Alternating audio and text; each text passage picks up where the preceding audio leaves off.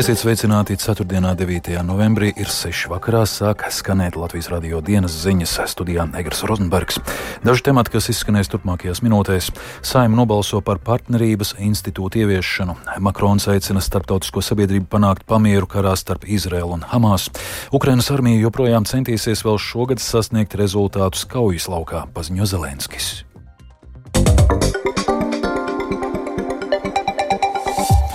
Saimnes vairākums pēc spraigām un garām diskusijām galīgajā lasījumā pieņēmis tieslietu ministres Ineses Lībiņas Egneres no jaunās vienotības iesniegto likumprojektu pakotni, ar kuru Latvijā no nākamā gada vidus paredzēts ieviest jaunu tiesību institūtu partnerību. Šo likumu paketi saima pieņēmusi trīs gadus pēc satversmes tiesas sprieduma, ar kuru uzsvērts valsts pienākums aizsargāt arī vienzimuma partneru ģimenes. Tiesa lesbiešu, geju, biseksuāļu un transpersonu kopiena, kā arī advokāti jau iepriekš pauduši, ka partneri attiecību regulējums nerisina visas problēmas, tāpēc vienzimuma pāri turpināšot tiesāties. Saimnes deputāts Gunārs Kūtris no Zaļo un Zemnieku savienības uzsvēra, ka partnerība nav salīdzināma ar laulību.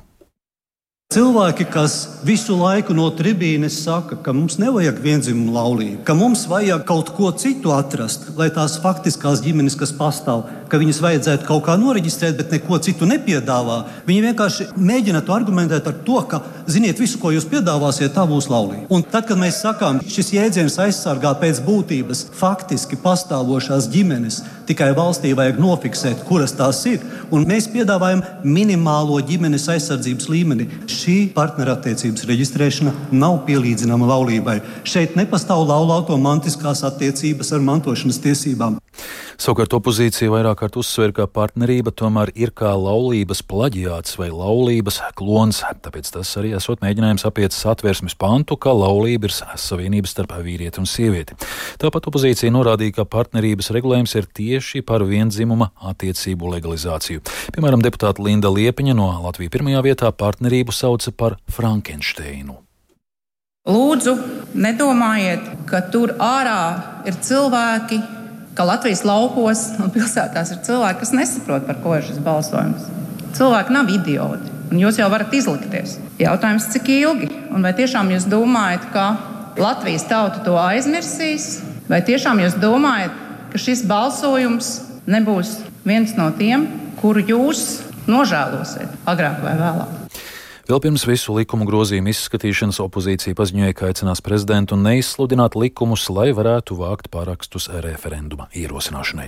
Saima atbalstījusi ieceri noteikt bankām nodevu, no kuras hipotekāro kredītu ņēmējiem daļai sāktu procentu maksājumu pieaugumu, bet daļa nonāktu budžetā. Lai ieceris stātos spēkā, likuma grozījumi vēl jāizskata trešajā galīgajā lasīmā. Plānots, ka hipotekārā kredīta ņēmēja aizsardzības nodevu piemēros par nākamo gadu.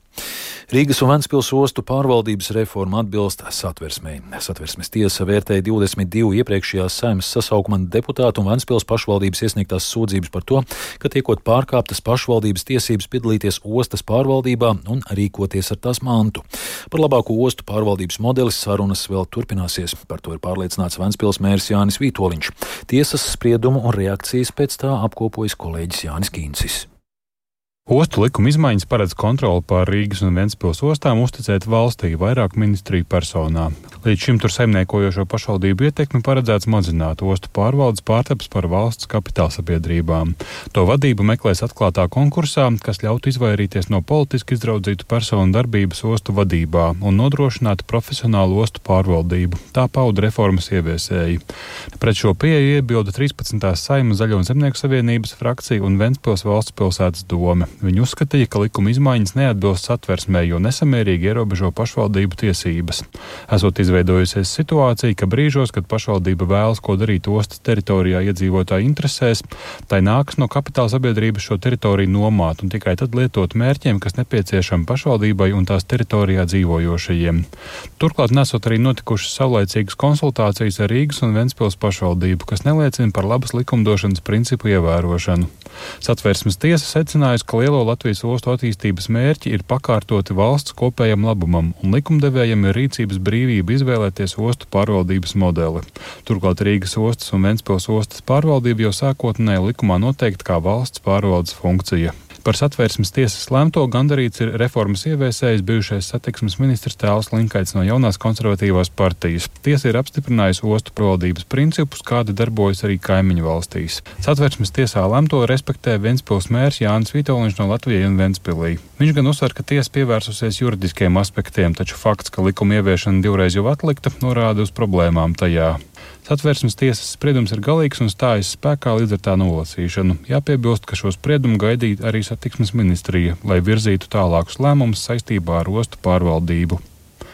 Jānis Kincis, Latvijas radio. Tiesa bijušo saimas deputātu Jāni Ādamsonu atzinusi par vainīgu spiegošanas lietā Krievijas labā piespriežot viņam brīvības atņemšanu uz astoņiem gadiem un sešiem mēnešiem.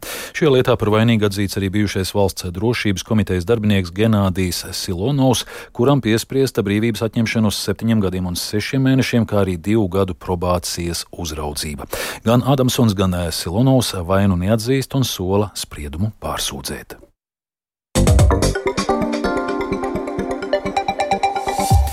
Parīzē šodien vairāku desmitu valstu pārstāvji sprieda par humanās palīdzības piegādi kara pārņemtajai Gazas joslai, bet sanāksmēs namatāvs Francijas prezidents Emmanuels Makrons aicināja Izrēlu piekrist pamieram. Izrēla piekto dienu pēc kārtas atvērusi humanitāro koridoru, lai Gazas joslas civiliedzīvotāji no teritorijas ziemeļiem varētu droši nokļūt dienvidos. Tikmēr izrēliešu armija turpina triecienus pa teroristiskā grupējuma Hamas pozīcijām. Par jaunākiem notikumiem tojos austrumos stāsta Uldis Ķēzberis. Otrajā mēnesī iegājušais karš starp teroristu grupējumu Hamas un Izrēlu visvairāk ciešanu ir radījis vairāk nekā diviem miljoniem Gazas joslas civiliedzīvotāju. 70% no viņiem kara dēļ ir bijuši spiesti pamest mājas vai ir tās zaudējuši. Simtiem tūkstošiem cilvēku nav pieejams tīrs dzeramais ūdens un pilnvērtīgs uzturs, bet vēl darbojošās slimnīcas ir pārpildītas un tām trūksta medikamentu. Līdz šim humanās palīdzības piegādes Gazai ir bijušas ļoti ierobežotas, jo tās var notikt tikai caur vienu kontrolu punktu uz robežas ar Ēģipti. Tomēr nerimst diplomātiskie centieni panākt, lai humanās palīdzības apjomu daudzkārt palielinātu. Tāpēc Parīzē šodien norisinās konference, kurā vairāk nekā 50 valstu pārstāvji runā par to, kā mazināt Gazas civiliedzīvotāju ciešanas. Pasākumu atklāja Francijas prezidents Emmanuels Macrons, kurš aicināja darīt visu, visu, lai panāktu uguns pārtraukšanu un nodrošinātu palīdzības organizācijām iespēju sasniegt arī kara visvairāk skartās vietas. Konferencē piedalījās arī palestīniešu pašpārvaldes premjerministrs Mohameds Štaie. Arī viņš pieprasīja Izrēlai un Hamas nekavējoties pārtraukt uguni, lai Gāzes civiliedzīvotāji varētu saņemt humāno palīdzību. Štaijē uzskata, ka Izrēla pretojas aicinājumiem pārtraukt kara darbību, jo tā atriebības dzīte vēlas kolektīvi sodīt palestīniešus par Hamas 7. oktobra uzbrukumu. Viņa prāt Izrēla nevarēs sasniegt savu mērķi šajā karā - pilnībā iznīcināt Hamas. Izraēlas armija arī šodien ļāva tūkstošiem civiliedzīvotāju no ielēgtās Gazas pilsētas doties uz teritorijas dienvidiem. Vakar šo iespēju izmantoja aptuveni 50 tūkstoši cilvēku. Vairums no viņiem devās uz Hānu Junisas pilsētu, taču tur viņiem ir iespēja saņemt ļoti ierobežotu palīdzību. Izraēlas armija šodien paziņoja, ka tā Gazas joslā ievēro taktiskas un lokālas humanitārās pauzes, kas esot spēkā noteiktās vietās un īsu laiku. Armijas paziņojumā bija uzsvērts, ka tas nenozīmē pamieru. Uldis Česberis, Latvijas radio. Ukrainas prezidents Volodimirs Zelenskis izteicies, ka Ukrainas armija joprojām centīsies vēl šogad sasniegt rezultātus kaujas laukā. Vienlaiks viņš atzinis, ka pret uzbrukumā progress frontes dienvidu sektorā ir lēns. We have some slow, slow steps forward, like you said, on the south. Mums ir daži lēni soļi uz priekšu. Mūsu valsts dienvidos ir daži soļi arī austrumos. Ir daži labi soļi Helsonas reģionā. Esmu drošs, ka mums būs panākumi. Ir grūti. Mēs centīsimies parādīt rezultātu šogad. Mums tas ir ļoti svarīgi, jo katru dienu zaudējam cilvēkus. And for us, it's very important because we lose people each day. Zelenska izteikumi par kara gaitu ir pozitīvāk nekā Ukrainas armijas virspavēlnieka Valērija Zalužnī atzītais par kara iestrēgšanu un pāriešanu pozicionālā karā. Eksperti neizslēdz, ka izteikumi pausti, lai sapurinātu rietumu sabiedrotos īpaši Amerikas Savienotās valstis, kur šobrīd turpinās diskusijas par palīdzības sniegšanu Ukrainai. Ukrainas sarunās ar Eiropas Savienību par minoritāšu tiesību nodrošināšanu neapspriež jautājumu par krievu valodīgās minoritātes aizsardzību. To šodien paziņojusi Ukrainas vicepremjeras premjera Eiropas un Eiroatlantiskās integrācijas jautājumos Olga Stefanišina. Viņa gan atzina, ka mazākumtautību tiesību nodrošināšanas jautājums būs ļoti svarīgs Ukrainas ceļā uz dalību Eiropas Savienībā, un tā nesot tikai Ukrainas specifika. Turpina Rustams Šukurovs. Stefanišana norādīja, ka vairākas citas kandidātu valstis saskārās ar līdzīgām prasībām šajā jomā, risinot sarunas par iestāšanos blokā. Viņa atzīmēja, ka neraugoties uz to, ka Venēcijas komisija savos lēmumos un rekomendācijās Kīvai piemin krievvalodīgo minoritāti, dialogā ar Eiropas Savienību šis jautājums nefigurē. Ukrainā nav krievvalodīgās minoritātes. Tā neeksistē. Nav nevienas likumīgi izveidotas kopienas, kas sevi identificētu kā krievvalodīgo minoritāti. Ir ukraiņi, no kuriem daži runā krieviski, uzsvēra Stefanišana. Viņa arī piebilda, ka Brisele šim viedoklim piekrīt. Spānijas sociālisti panākuši vienošanos ar abām, ar abām Katalonijas neatkarības piekritēju partijām par 2017. gada neatkarības referenduma dalībnieku amnestiju. Līdz ar to sagaidāms, ka jau tuvākajā laikā līdzšinies Spānijas premjers un socialistiskās partijas vadītājs Pedro Sančes atkārtoti kļūs par valdības vadītāju. Vienošanās ar Katalonijas separātistiem paredz arī atbalstu valdības darbam visa Spānijas parlamenta pašreizējā sasaukuma laikā. Turpina viens no Spānijas socialistiskās partijas vadītājiem Santos Serdāns. Un acuerdo que constituye una oportunidad histórica Tā ir vienošanās, kas dod vēsturisku iespēju atrisināt konfliktu, ko var un ir jāatrisina tikai politiski. Tā ir vienošanās starp divām organizācijām, kam ir dziļas domstarpības, bet kas spēj atrast kopīgu valodu iedzīvotāju labklājības un problēmu pārvarēšanas vārdā. Ir pienācis laiks parādīt Katalonijas iedzīvotājiem un pārējās Spānijas iedzīvotājiem jaunu apvārsni, kurā pagātnes grūtības vairs nebūs šķērslis.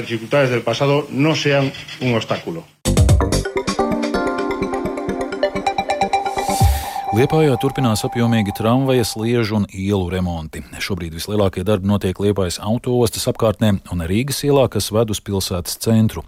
Pirmo reizi pēc ļoti ilga laika tramvaja satiksmi pat nācās slēgt pilnībā, lai trīs dienu laikā nomainītu sliežu posmu tramvaja līnijas galapunktā. Neraugoties uz sarežģītiem apstākļiem, Liepājā šobrīd pasažierus pārvadā 14 jaunie zemās grīdas tramvaji. Vairāk par remontdarbiem un pārmaiņām pilsētā Ingas Ozols ierakstā. Vecliepājā pilsētas centrā tramvaja sliežu remonta darbi jau tuvojas noslēgumam, bet līdz jaunajam gadam turpināsies Jaunliepājā. Iespaidīgi remonta darbi notiek vienā no Liepājas senajām bruģētajām ielām Rīgas ielā, kas ved no autoostas un stacijas uz pilsētu. Tā šobrīd satiksmei ir slēgta, jo iela ir pilnībā uzrakta un tur tiek mainīts tramvaja sliedes. Sijā Liepājas tramvajas valdes loceklis Egars Puks stāsta, kas ir mainījies uzstādot jaunos sliežu ceļus pilsētā. Krustojumi tiek citādāk uzbūvēti tehnoloģija. Tur ir tā tehnoloģija tāda, lai šķērsojot šīs sliežu ceļus mašīnām, lai tās slotas sadalītos vienmērīgāk gan uz sliedēm, gan uz ceļu segumu. Otra jaunā lieta, kas līdz šim nav bijusi, tad koka gūšana vietā parasti ir šobrīd jaunajos projektos liekam betona gūšanas. Tramvaja līnija pārbūves projekta kopējās izmaksas gan Jaunliepājā, gan Vecliepājā sasniegušas 15 miljonus eiro. 85% no tiem ir Eiropas Savienības kohēzijas fonda finansējums. Pašvaldībai jāņem eh, kredīts, lai varētu šo līdzfinansējumu sekt, jo tāda nauda, protams, miljoni eh, vienkārši budžetā nemētājas. Tikmēr pirmais tramvajs, kas Horvātijā tika speciāli uzbūvēts Liepājai, kalpo jau trešo gadu. 14 moderno tramvaju uzturēšana ikdienā nav vienkārša, jo katrs no tiem esot gluži vai dators, tāpēc joprojām Liepājā strādā tehniskie speciālisti no rūpnīcas. Tramvaju vagonu nomaiņai bija nepieciešami aptuveni 20 miljoni eiro. Ingozola Latvijas radio kurzmē. Un vēl Latvijas hokeja izlase šovakar aizvadīs pirmo no divām plānotajām pārbaudas spēlēm, tiekoties ar Francijas izlasi. Viens no visplašāk apspriestajiem hokeistiem šajā valsts vienības modelī ir uzbrucējs Eduards Traumakis. Viņš sezonu iesācis ar deviņiem vārdu gūmiem Čehijas augstākajā līgā, ieņemot trešo vietu līgas labāko snaiperu sarakstā. Latvijas radio Traumakis vairāk pastāstīja par savu lomu uzbrukuma noslēgumā. Mums ir mazāk metēji, un tāpēc kādam jāuzņemas tā sniperu loma kaut kādā ziņā. Protams, nu, piespēles man arī gribētos vairāk savākt, jo piespēles parasti saka, ka ir vieglāk savākt nekā gols. Jā, es esmu pēdējās spēlēs tas noslēdzošais metējs vai tajā pašā vairākumā tas noslēdzošais metējs. Tāpēc arī tie goli iet. Nu, piespēlēm tomēr jā, jā, jādabū arī. Jo tagad gan, gan vairākumos, gan, gan vispār jebkurā spēlē es esmu iemantojis varbūt kaut kādu uzmanību no pretinieku komandas. Un, protams, tagad ir grūtāk, jo visi liek vai nu uz mani vienu spēlētāju, vai, vai pievaktē man vairāk kā kādreiz. Latvijas-Francijas spēle hokeja sāksies jau pēc nepilnas stundas, bet rīt Daugavas ledushallē abas izlases tiksies vēlreiz. Izskan Latvijas radio dienas ziņas producents Edgars Kupčs, ierakstus montēja Krišjānis Stikāns par labskaņu rūpējās sievietes zvejnieces studijā Egars Rozenbergs vēl tikai par laikapstākļiem. Galvaspilsētas centrā plus 8 grādi lēns dienvidu vējš, atmosfēras spiediens 760 mm, relatīvais gaisa mitrums 83%. Kāds laiks gaidāms turpmāk, prognozē Ilze Golubeva. Piektdien debesis lielākoties aizklās mākoņu un vietām nedaudz līs. Gaisa naktī atdzisīs līdz plus 3, plus 7 grādiem, bet dienā termometra stabiņš sasniegs plus 6, plus 9 grādu atzīmi. Nereiz izskaņā kļūs par dažiem grādiem vēsāks. Debesis vēl aizvien aizklās bieza mākoņu saga un sestdienu vietām, bet svētdien daudz viet gaidāms lietus. Tāpat pūšot lēnam līdz mērenam vējam nakts un rīta stundās dažviet veidosies migla.